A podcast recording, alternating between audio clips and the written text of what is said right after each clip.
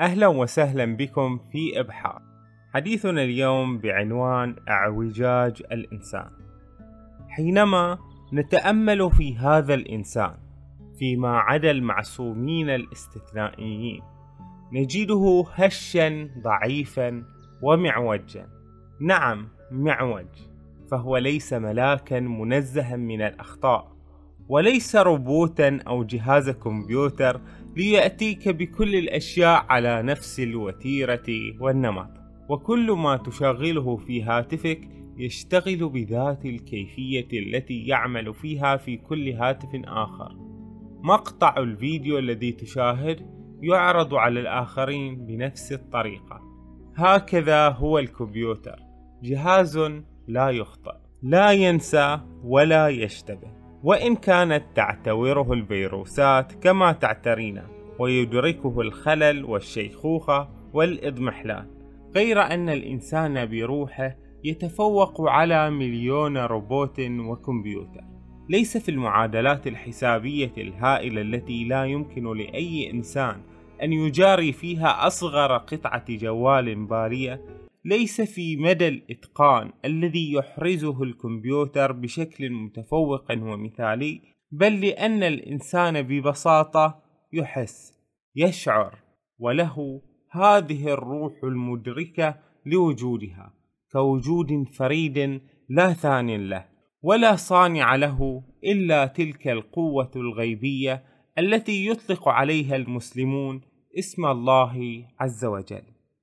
ولأن الإنسان عاقل متفرد عن الحيوانات والنباتات والجراثيم بذلك العقل الذي يتسع للكون كله. إنه ذلك العقل السيال الموزع على كل الناس بتنويعات مختلفة. عقل كل إنسان أشبه ببصماته وحمضه الوراثي. هو شيء متفرد خاص به لا يشبهه أي عقل آخر شبها متطابقا؟ قد يقترب عقل من عقل وقد يميل فؤاد إلى فؤاد غير أن في داخل كل منا عالما خاصا متفردا. إن عقل الإنسان ولبه وقلبه وأحاسيسه وجسمه خلق من الضعف وإلى الضعف واعوجاجه مستمد من روح الطبيعة. حاول الإنسان أن يضع الأشكال الهندسية ويكثر من أعدادها. بنيت البيوت الأشبه بالمكعبات. هل رأى أحد منا صخرة مكعبة غير أن تكون أيدي الإنسان قد عبثت فيها؟ إن الخطوط المستوية قلما توجد في الطبيعة. سمة كل ما هو طبيعي أن يكون مرسوما بخربشة دقيقة. كل صخرة لها شكلها الخاص المتفرد كل شجرة لها ترتيبها الخاص لجذوعها وأوراقها وذلك الث... كل ظبية تركض في البرية لا تشبه شقيقتها إلا كما يشبه الواحد منا شقيقة وهكذا كان خلق الله متفردا في كل كائن وجماد. أن تبني نفسك يشبه أن تعبد طريقا في الصحراء تزيل المرتفعات وتردم المنخفضات ترسم خطوطا مستقيمة وتضع الأساس وتبني عليه. ولكن مهما كانت أهدافك مستقيمة ستكون خطاك متعرجة. تعرج قلمك الذي يحاول رسم خط مستقيم. إنه ليس آلة ليس مسطرة. إنه أنت أيها الكائن المعوج. وفي اعوجاجك خير كل الخير وبعض الشر. ودمتم بألف خير.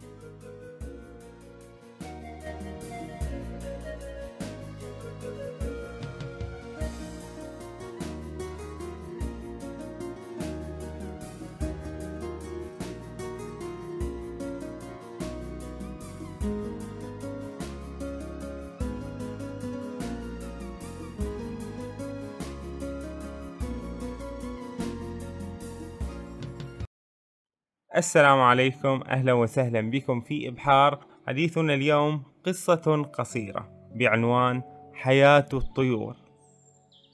يمضي السرب لا قارة يقنع بها له وجهة هو موليها صوب الشمال. يقود السرب القائد الأب وتسير من بعده باقي الطيور.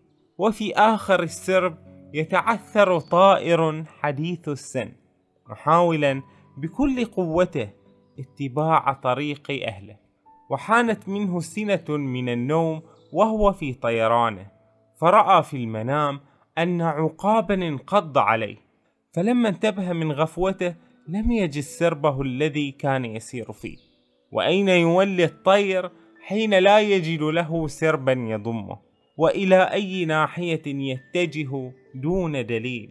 وأين المسير إلى الشمال؟ أهي إلى هنا أم إلى هناك؟ طوف الطائر في كل الاتجاهات باحثا مفتشا وعبر عليه سرب من نوع آخر من الطيور. فاستعلم منهم عن سربه وعن إخوانه وأترابه وإلى أي جهة يذهب بني جنسه. فلم يعرفوا جوابا لأسئلته الحيرة وأنى لهم أن يعرفوا ثم إنه لما حاول الانضمام إلى سربهم هاجموه وطرحوه فكل سرب لا يكون سربا حتى يكون حكرا على جنس واحد.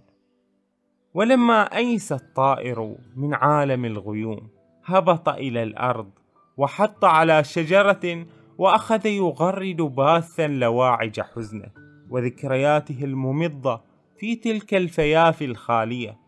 ولم يلبث حتى وجد أكله المفضل على الأرض موضوعا على صحن لم يفهم دلالته فلما هبط طالبا الأكل منه انقض عليه القفص وها هو الصياد يظهر مبهورا فرحا للطير الذي صاده. وقال الصياد في قلبه لا شك أنه طائر نادر لم أرى مثله إلا القليل. وهنا وقع الطير في سجنه وهون عليه السجن أنه قد فقد سربه من قبل. فالمصائب حينما تجتمع تبث شيئا من السعادة. وأصبح الطائر معروضا في إحدى الأسواق ومر عليه رجل عجوز فأعجب به واشتراه بمبلغ كبير. وحمل الطائر إلى قصر فخم ووضعه في محمية كبيرة مليئة بأصناف الطيور. كان ضمن تلك الطيور طائر أنثى تسكن هذه المحمية من نفس نوعه فتقرب لها وتزوج منها وأصبح لهما عشهما الخاص وراح يسألها عن سربها التي كانت فيه. فقالت أن سربها بينما كان متوجه نحو الجنوب هبط في إحدى السواحل يأكل ويقتات ويستريح تأهبا للمواصلة. فلما هبطت معهم في ذلك الساحل مضت مع أمها تقتاتان. فلم تلبث حتى انقض على أمها عقاب فأكلها. فلحقته كي ترجع أمها من فمه. فأسقط العقاب شيئا من فمه وراحت تهبط الجثة من السماء إلى الأرض. فتتبعت أثر جثة أمها.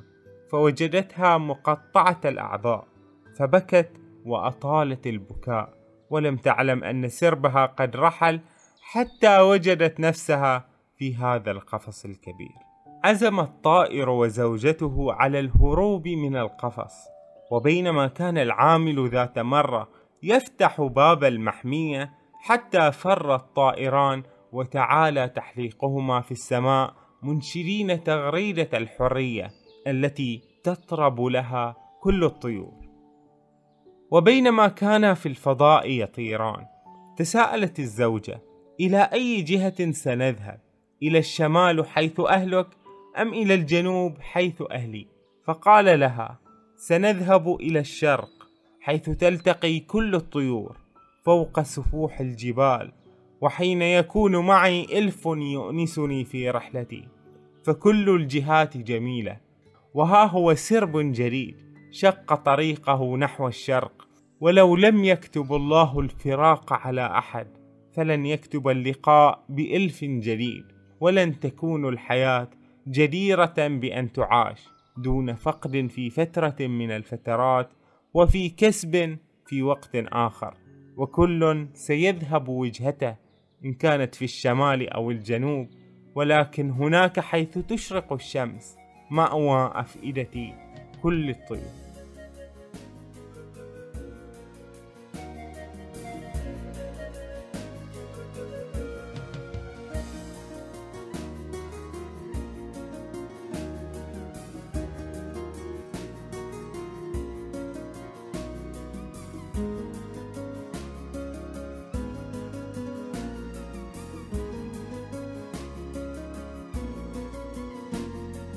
أهلا وسهلا بكم في إبحار ومع حلقة جديدة بعنوان لماذا يستيقظ الإنسان من النوم؟ هل تتذكر كيف استيقظت اليوم من النوم؟ ما هي اللحظة الدقيقة الفاصلة بين النوم واليقظة؟ بينما كنت غارقا فيه لساعات طوال وما نهضت فجأة من أجله لعل الاستيقاظ يكون لغزا من الألغاز. حتى أن ذكرياتنا عن لحظات الاستيقاظ تبدو مضببة غائمة كأنها حلم وهي حلم إلى حد كبير. فالإنسان يستيقظ تدريجيا ويستغرق بعض الدقائق وهو ما زال يتذكر الأحلام التي رآها والعالم الذي جاء منه. يبقى هادئا خمسا أو عشر دقائق حتى يصحصح كما نقول. والاستيقاظ يختلف بتعدد الناس وبتعدد الأوقات أيضا. فالاستيقاظ في بكرة الصباح يختلف كثيرا عن الاستيقاظ في الضحى. والاستيقاظ بعد قيلولة قصيرة لا تتجاوز النصف ساعة تختلف عن الاستيقاظ بعد نوم طوال العصر. ولكل واحد منا تفضيلاته لأوقات ومدد النوم والاستيقاظ كل هذا هين لا أريد التشعب فيه غير أن لي سؤالا على ما نستيقظ؟ ما الذي يدفعنا نحو الاستيقاظ؟ لن أدخل في جواب فسيولوجي وأتكلم عن ماذا يفرز الجسم وماذا يحدث للأعصاب فهذا شغل الأطباء سؤالي لك عزيزي المستمع كشخص عايش تجربة الاستيقاظ مرارا حينما تكون مستلقيا نصف مستيقظ. تعي أن الصبح قد جاء وأن يوما جديدا ينتظرك. ما الذي يدفعك نحو النهوض؟ لا أريد أن أقول أن الحمام هو ما يدفعنا للنهوض بسرعة ودعنا نستثني أيضا الاستيقاظ القهري من أجل الدوام في الدراسة أو العمل. ولكن دعنا نفكر أكثر حول ما يختلج أنفسنا ونحن في فترة الاستيقاظ. أتوقع أن كل إنسان يستيقظ يفكر في يومه هذا. ماذا سيكون فيه؟ يفرح حين يتذكر أن هذا اليوم سيحصل فيه أمر جميل ويضجر حين يتوقع المشكلة أو التعب الذي سيقاسيه اليوم. وحين تغلب فكرته السلبية عن يومه ويحس أنه سيكون في يوم سوء. تراه يحاول النوم مجددا وتراه يمدد في أمد المنبه كأنه سيهرب من أعباء الحياة بهذا النوم الإضافي. أما حين يرى يومه وحياته بالتالي جميلة تراه يسرع في النهوض وبحماس يندفع إلى شغفه. هل قلت كلمة شغف؟ نعم. إن الشغف هو ما يجعلنا نستيقظ. تلك الشعلة المتوهجة في القلب التي تحن لمزاولة أمر ما في اليقظة. إلى الوصول إلى قمة جديدة إلى إنجاز مقبل إلى متعة أجل وأهم وأعظم من النوم.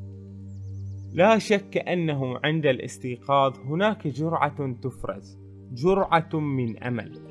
الأمل هو ذلك الذي يجعلنا ننهض من النوم لنقبل على الحياة لنضع أثرا جديدا لنقاسي ونتعب ونحقق أشياء كثيرة. وآمال بني آدم شتى كل إنسان له حلم يستيقظ من أجله يتعب ويشقى ويتجرع المرارات من أجله. إن ذلك الحلم هو ما يعطيه المعنى في الحياة. ولولاه لكان مكتئبا لا يرى في الحياة شيئا مبهجا. إنها مصدر التفاؤل والمحفز لإكمال المسيرة. ولأي مسيرة يقصد المحب؟ أوليس الحب هو ما يجعل الإنسان يستيقظ بكل معاني الحب الرحبة؟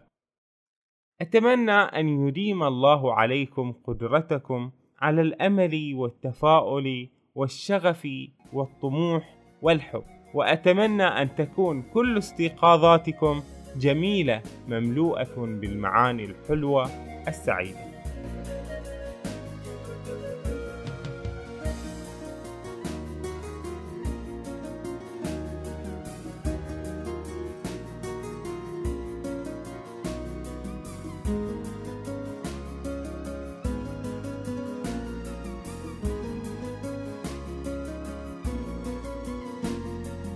أهلا وسهلا بكم في كشكول الإبحار وحديثنا اليوم بعنوان خطايا الناس عندما يطلع الإنسان على خطيئة أخيه الإنسان كيف سيتصرف معه؟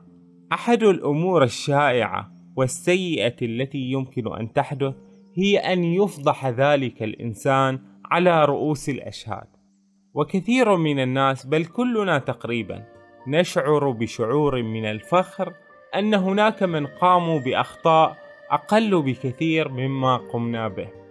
رب معصية أورثت ذلا وافتقارا خير من طاعة أورثت عزا واستكبارا. من أسوأ ما نقوم به هو التركيز على أخطاء الآخرين وتناسي أخطائنا وموبقاتنا التي نعرفها جيدا. وكأن أخطاء الآخرين أو طاعاتهم ستؤثر شيئا في دخولنا الجنة أو النار. كل نفس بما كسبت رهينة ولن نحاسب أبدا يوم القيامة على أخطاء أو طاعات غيرنا. سنحاسب على أعمالنا نحن إن كانت خيرا أو شرا. عن النبي صلى الله عليه وآله وسلم كل بني آدم خطاء. وخير الخطائين التوابون. كلنا خطاؤون وهذه صيغة مبالغة تعني أننا لسنا فقط نخطئ بل أننا كثيرو الخطأ. وخيرنا أي خير الناس هم الذين يخطئون فيتوبون يحسنون من أنفسهم يتداركون سيئاتهم بالحسنات ويختم لهم خاتمة سعيدة. العبرة بالخواتيم. فإذا رأيت إنسانا مغموسا في الموبقات فلا تضع صك براءة لنفسك أنك أفضل منه. لعله يتوب ويصبح أفضل منك عند الله عز وجل. وإذا رأيت فضيحة تملأ وسائل التواصل فحاربها ولا تساهم في انتشارها. واسأل الله السلامة واهتم بفضائحك التي سترها الله بلطفه وكرمه. وأوجه هذه النصيحة لي أولا قبل غيري ودمتم بألف خير. أهلا وسهلا بكم في إبحار. حديثنا اليوم بعنوان مسار الدموع. تلمع العيون يزداد ماؤها على نحو خفي وسرعان ما تفر الدموع من كل ناحية متاحة.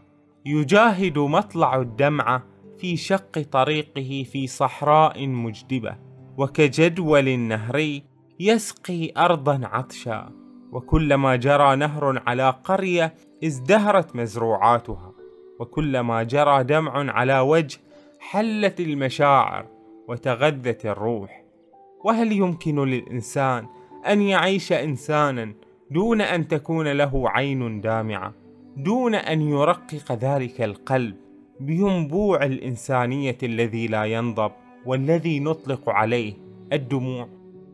وكل دمعة تعبر خدا هي إشارة إلى الرحمة في قلب صاحبها. وحين تكون الدموع غزيرة فإن نهر الدموع ينافس النيل في جريانه. وحيث يصل ذلك الدمع هناك سكينة إلهية تنثر على جوانبه.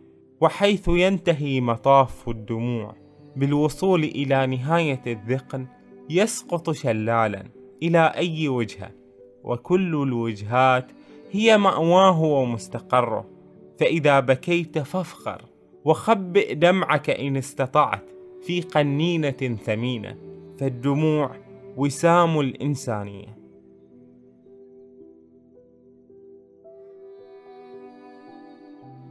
أهلا وسهلا بكم في إبحار. حديثنا اليوم عن النوم. النوم فسحة سلام. لا شك أن النوم نعمة إلهية كبيرة. تنقل الإنسان من حال إلى حال. ينام الإنسان وهو متعب منهك من أعمال اليوم. ثم يستيقظ في الصباح وهو في أفضل حال. ومن يعانون من اضطرابات النوم وحدهم من يعرف مدى النعمة والجمال في النوم وفي النوم العميق المريح لا النوم السطحي الرديء. وحين النوم تسقط الفروقات بين السلطان النائم في قصره والمسجون النائم في زنزانته. كلاهما مشغول لاه عن حياته إن كانت فارهة أو معذبة. إن عالم الأحلام فسحة لإعادة ترتيب الأوراق ومساءلة القضايا المعاشة. في الأحلام عالم سحري وفني مبدع وفيها إشارات تستحق التأمل. يستطيع حلم كابوسي أنك تموت أن يجعلك تتوب وتراجع مسيرتك في الحياة. في هذا العالم العجيب تصلك بعض الرؤى الصالحة وفي حديث منسوب للنبي صلى الله عليه وآله وسلم قال فيه الرؤية الصالحة جزء من ستة وأربعين جزءا من النبوة. كما أن النبي يتلقى وحيه من ربه يكون دقيقا صحيحا ليس به لبس كذلك بعض الرؤى يكون فيها إلهام إلهي. في التنبيه لحادثة مستقبلية أو التذكير بأمر مهم في الحياة أو التواصل مع بعض الموتى. وهنا تبقى الأحلام لغزا غامضا يستعصي على الحل فهو ليس كما اختزله فرويد بل فيه قسم غيبي يذهب بعيدا في استشراف الحياة. في القول المنسوب للإمام علي الناس نيام فإذا ماتوا انتبهوا. ما يجعلنا نشعر بأن الحياة ما هي إلا نوم طويل متسق وثابت ومنطقي ويعتمد على كل العلوم وبذلك يبدو حقيقيا ومنطقيا تماما. ولكن كما أن الأحلام لا نحس بأنها كانت أحلاما إلا بعد أن نستيقظ كذلك الحياة. لا تجد أن كل ما فيها من أهداف دنيوية وسعي حثيث قد صار له معنى بعد أن استيقظت من نوم الغفلة. إن النوم هو الاستغراق في أحلام جميلة أو كابوسية تلهيك عن حقيقة أنك في عالم خيالي زائل. لطالما حصلنا في الحلم على أموال كثيرة وعشنا أفضل اللحظات السعيدة ولكن عندما استيقظنا لم نستطع أن ننقل تلك الأموال وهذه الإنجازات التي حققناها في الحلم إلى عالم الحقيقة. كذلك الأموال والإنجازات الدنيوية التي حققناها ستذهب هباء في يوم وفاتنا. إلا العمل الصالح بالطبع وفقنا الله وإياكم إليه. ودمتم بألف خير.